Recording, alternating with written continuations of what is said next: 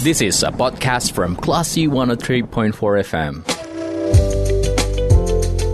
Sumbar melawan Corona, persembahan Yayasan Semen Padang, Semen Padang Hospital, hanya di Classy FM.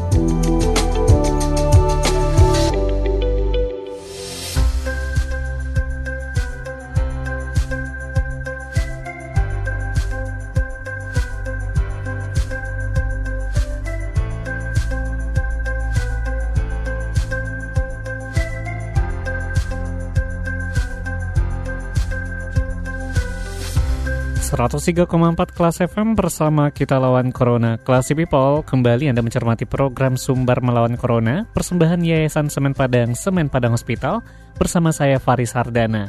Nah, Classy People, pasien COVID-19 dalam kondisi berat mulai banyak diterima oleh Rumah Sakit Ahmad Mokhtar Bukit Tinggi, bahkan ada yang tidak tertolong. Nah, bagaimana kondisinya Classy People? Saat ini kita sudah terhubung bersama Wakil Ketua Penanggulangan COVID-19 RSAM Bukit Tinggi, Dr. Dedi Herman. Assalamualaikum, selamat sore Dr. Dedi. Waalaikumsalam warahmatullahi wabarakatuh Mas Faris dan uh, Assalamualaikum kepada seluruh masyarakat uh, Sumatera Barat yang bisa mendengarkan Klasi FM di mana saja berada. Mudah-mudahan Allah selalu menyelamatkan kita, mencegah kita terinfeksi oleh COVID. Kalau misal pun terinfeksi ringan dan tidak menyebabkan kehilangan nyawa atau kehilangan keluarga. Juga seluruh uh, para uh, pembawa acara dari Klasi FM mudah-mudahan juga sehat diberikan oleh Allah, juga diberi kelapangan rezeki dan juga uh, kemudahan dalam melaksanakan tugas-tugasnya sehari-hari. Amin. Doa yang sama untuk dokter juga, dokter. Nah, iya. kalau boleh bercerita dokter, bagaimana sih perkembangan pasien COVID-19 yang saat ini dirawat di ruang isolasi RSAM Bukit Tinggi, dok?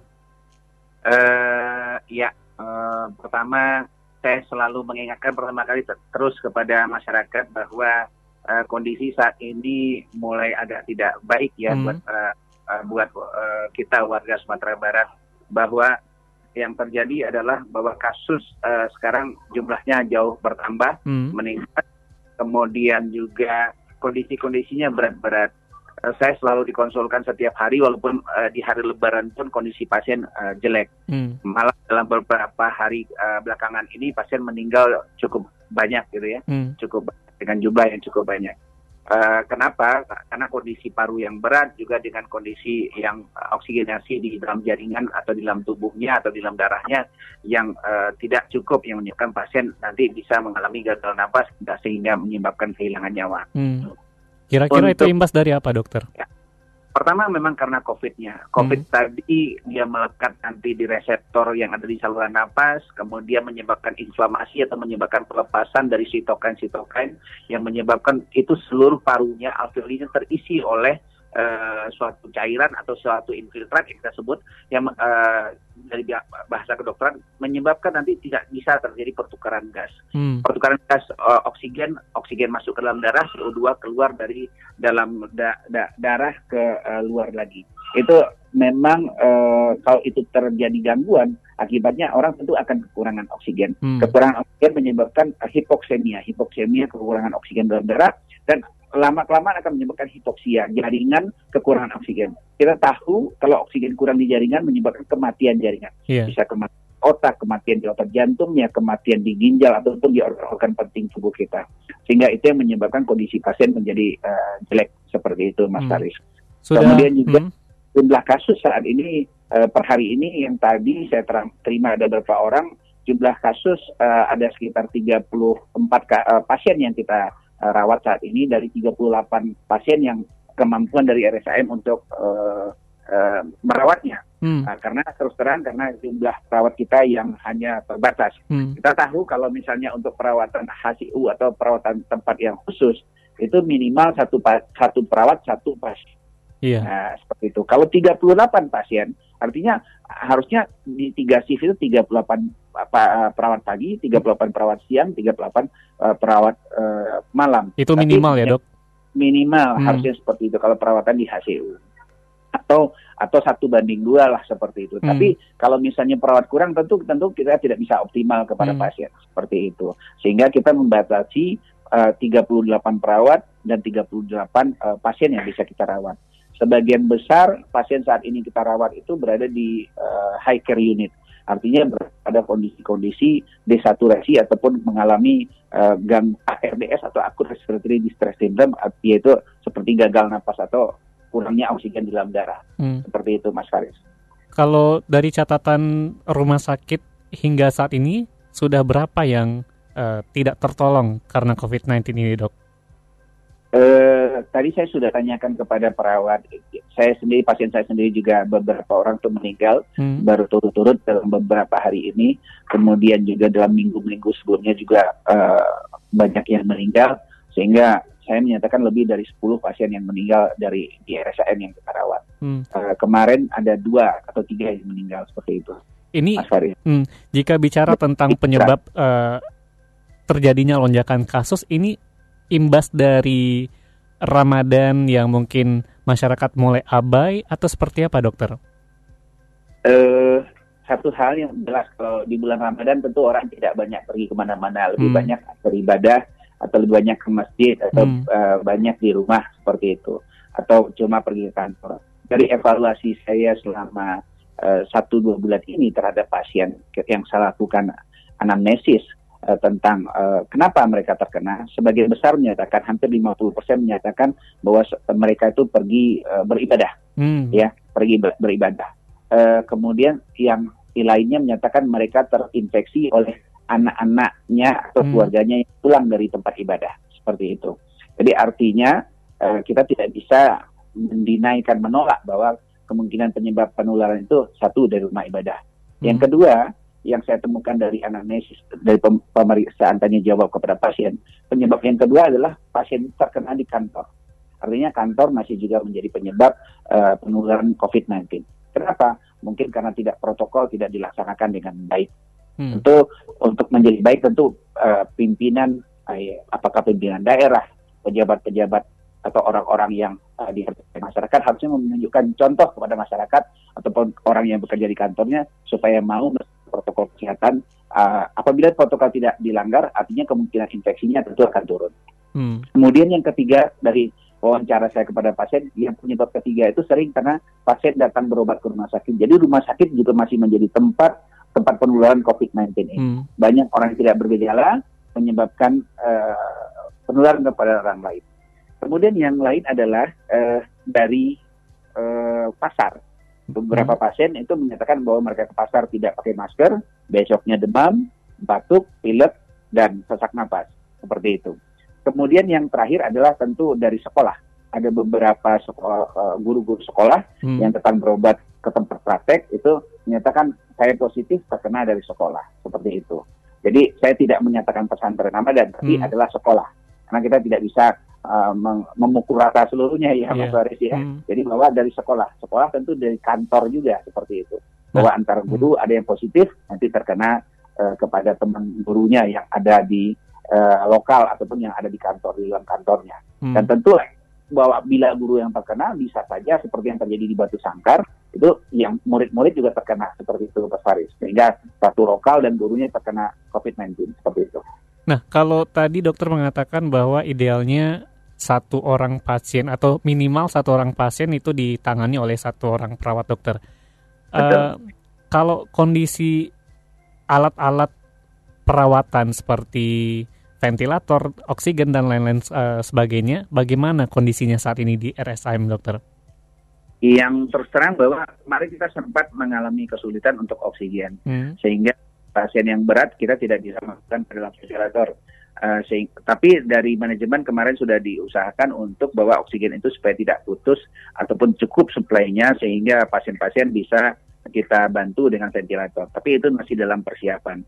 Sehingga kita sempat mengusulkan untuk juga penyiapan uh, apa oksigen liquid atau cairan hmm. oksigen dengan dengan uh, tempat liquid sehingga cukup untuk pasien. Jadi terus terang itu sedang diusahakan oleh uh, manajemen. Kemudian juga ada yang alat yang biasa kita gunakan yang itu kita sebut sebagai HFNC, hmm. High Flow Nasal Cannula, yang biasanya untuk membantu pasien-pasien yang mengalami ARDS atau mengalami dehidrasi dahi.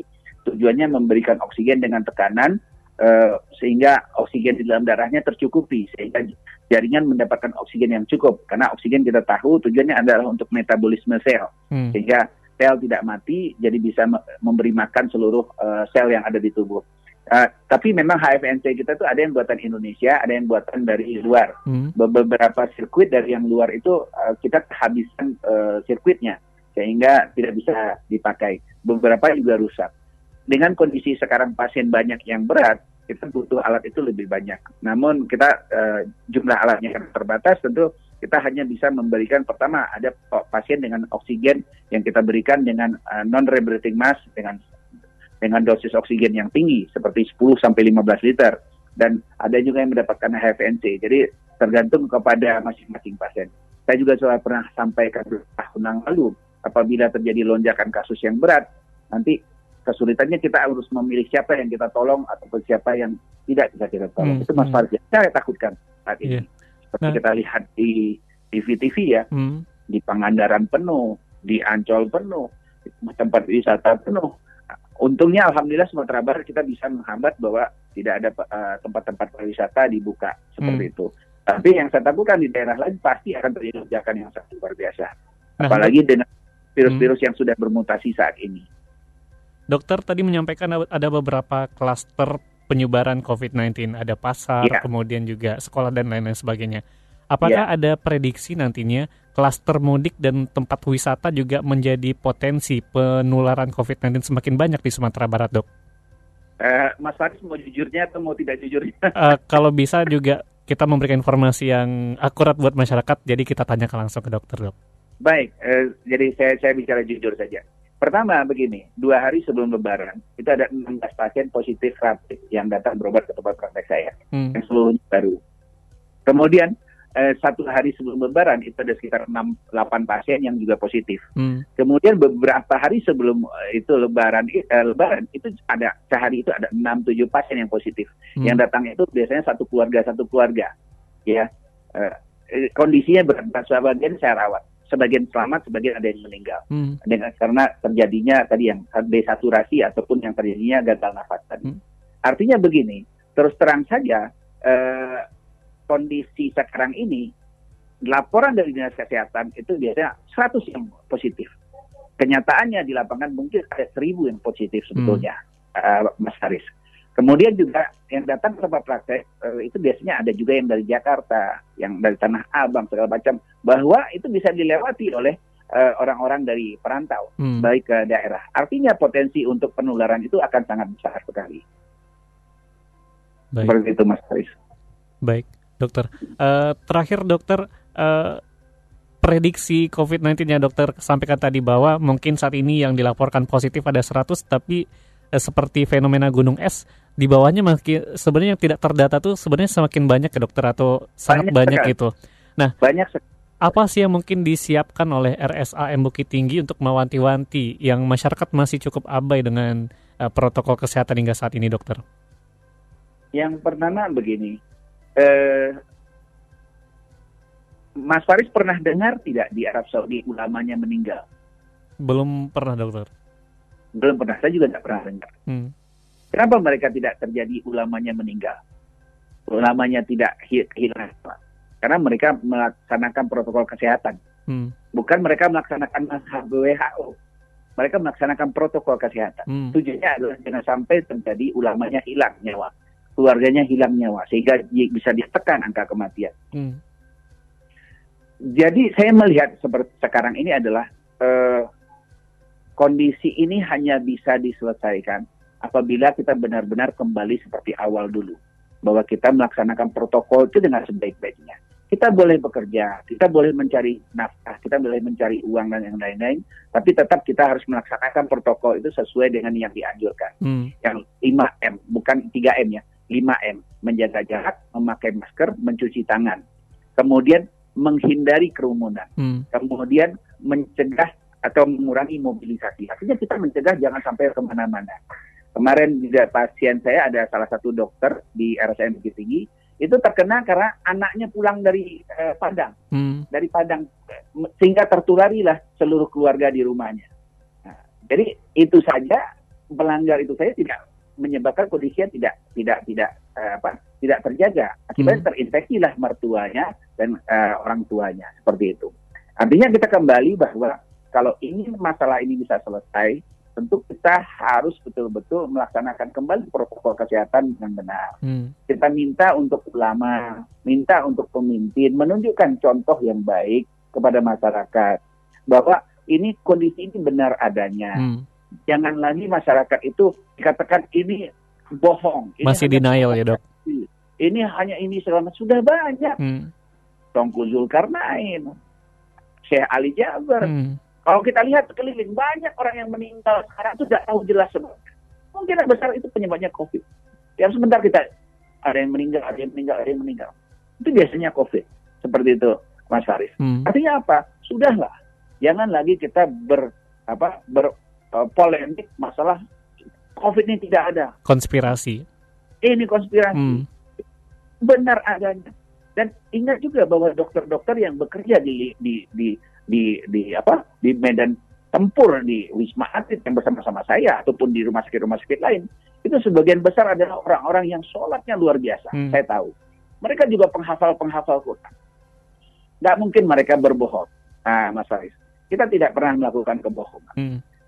Tapi saat nanti misalnya ada pemimpin yang tidak, oh ini tidak ada ini. Kemudian ada ulama menyatakan ini bohong ini segala macam ini tidak ada ini. Ini masuk WHO atau segala macam. Hmm. Apabila nanti orang meninggal karena mereka mengikuti kita, kita akan bertanggung jawab terhadap apa yang kita lontarkan Hmm. yang menyebabkan orang meninggal karena mengikuti kita. Ingat bahwa ada pengadilan Allah nanti. Hmm. Saat ada pengadilan Allah, saat itulah kita tidak bisa bicara. Hanya Allah yang nanti mengadili kita. Seperti itu Mas Faris.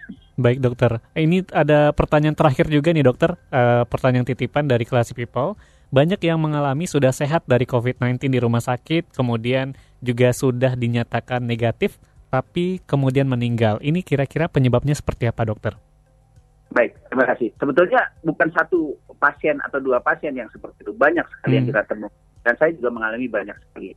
Bahwa terjadi, kalau misalnya terjadi lepas sel-sel eh, radang atau sel-sel inflamasi tadi, itu eh, awalnya virusnya satu minggu, dua minggu pernah hilang virusnya. Hmm. Tapi proses inflamasi ibarat kita membakar eh, itu ya membakar eh, dinamit sumbunya kita bakar itu berjalan terus proses inflamasinya atau proses peradangannya. Hmm. Itulah yang menyebabkan nanti pasiennya sudah sehat negatif aman-aman tiba-tiba meninggal di rumah. Hmm. Artinya proses inflamasinya masih berlanjut. Artinya pasien-pasien yang sudah sembuh dari COVID itu tetap harus datang berobat ke dokternya Iya.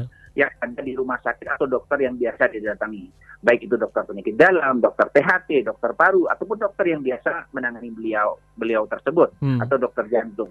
Harus tetap dikontrol penyakit komorbidnya seperti diabetesnya, kemudian TB-nya atau yang lain-lain. Tetap juga harus mendapatkan obat-obat seperti obat anti pembekuan darah Hmm. seperti kita menggunakan aspilet atau kita menggunakan uh, Arextra atau yang lain-lain ataupun yang ada uh, atau Fondavarino atau yang lain-lain yang biasa Hmm. kita gunakan untuk pasien-pasien tersebut untuk mencegah terjadinya pembekuan darah ataupun tersumbatnya saluran apa saluran pembuluh darah yang nanti yang fungsinya adalah mendarahi jantung atau mendarahi paru atau mendarahi organ-organ seperti itu.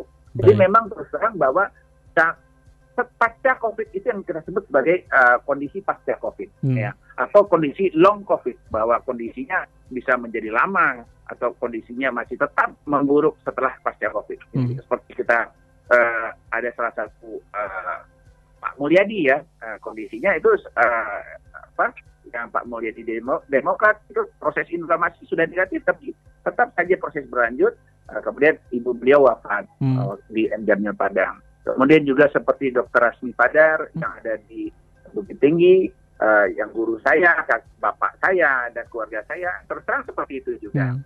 Nah, kemudian juga ada om saya ya yang terkena COVID, kemudian ternyata meninggalnya itu pak setelah negatif seperti itu, eh, eh, Mas Faris. Jadi kita tidak mungkin nanti setelah oh. sudah negatif bukan berarti sudah selesai. Hmm. masih ada proses yang mungkin terjadi di dalam tubuh yang butuh nanti juga tetap kita mengkonsultasikan pada dokter-dokter eh, eh, di rumah sakit tentang untuk eh, kelanjutan pengobatannya seperti itu. Juga bisa juga terjadi nanti pasiennya sesak terus. Kenapa? Seolah-olah pasien yang pernah merokok Mas Hmm. Faris mereka tuh mengalami sesak yang terus menerus kenapa terjadi fibrosis ataupun kerusakan jaringan paru sehingga mereka membutuhkan obat-obat sirup yang harganya lumayan mahal Hmm, iya. yang ada harganya di atas 600 ribu sampai 1 juta. Tapi itu dapat dari BPJS. Sehingga kalau uh, masyarakat mempunyai BPJS, jangan lupa nanti tetap datang ke rumah sakit untuk mengontrol uh, kondisi pasca COVID-nya. Seperti itu, Mas Faris. Baik. Baik, terima kasih Dokter Dedi sudah berbagi bersama kelas FM di sore hari ini dalam sumber melawan Corona. Selamat bertugas kembali dokter dan sehat-sehat selalu. Dan salam ya. dari keluarga besar Radio Kelas FM. Mohon maaf lahir dan batin juga di momen lebaran ini dokter. Ya, maaf lahir batin juga Mas Faris. Semoga sehat semuanya. Kita. Amin warahmatullahi wabarakatuh. Waalaikumsalam warahmatullahi wabarakatuh. Baiklah si people, itu perbincangan kita bersama Wakil Ketua Penanggulangan COVID-19 Rumah Sakit Ahmad Mokhtar Bukit Tinggi, ada Dr. Dedi Herman. Dan saya Faris Sardana. Kita ke program selanjutnya. Terima kasih. Anda sudah mencermati program Sumber Melawan Corona, persembahan Yayasan Semen Padang, Semen Padang Hospital. Anda juga bisa mencermati podcast obrolan ini di www.classfm.co.id atau download aplikasi Class FM. This is a podcast from Classy 103.4 FM.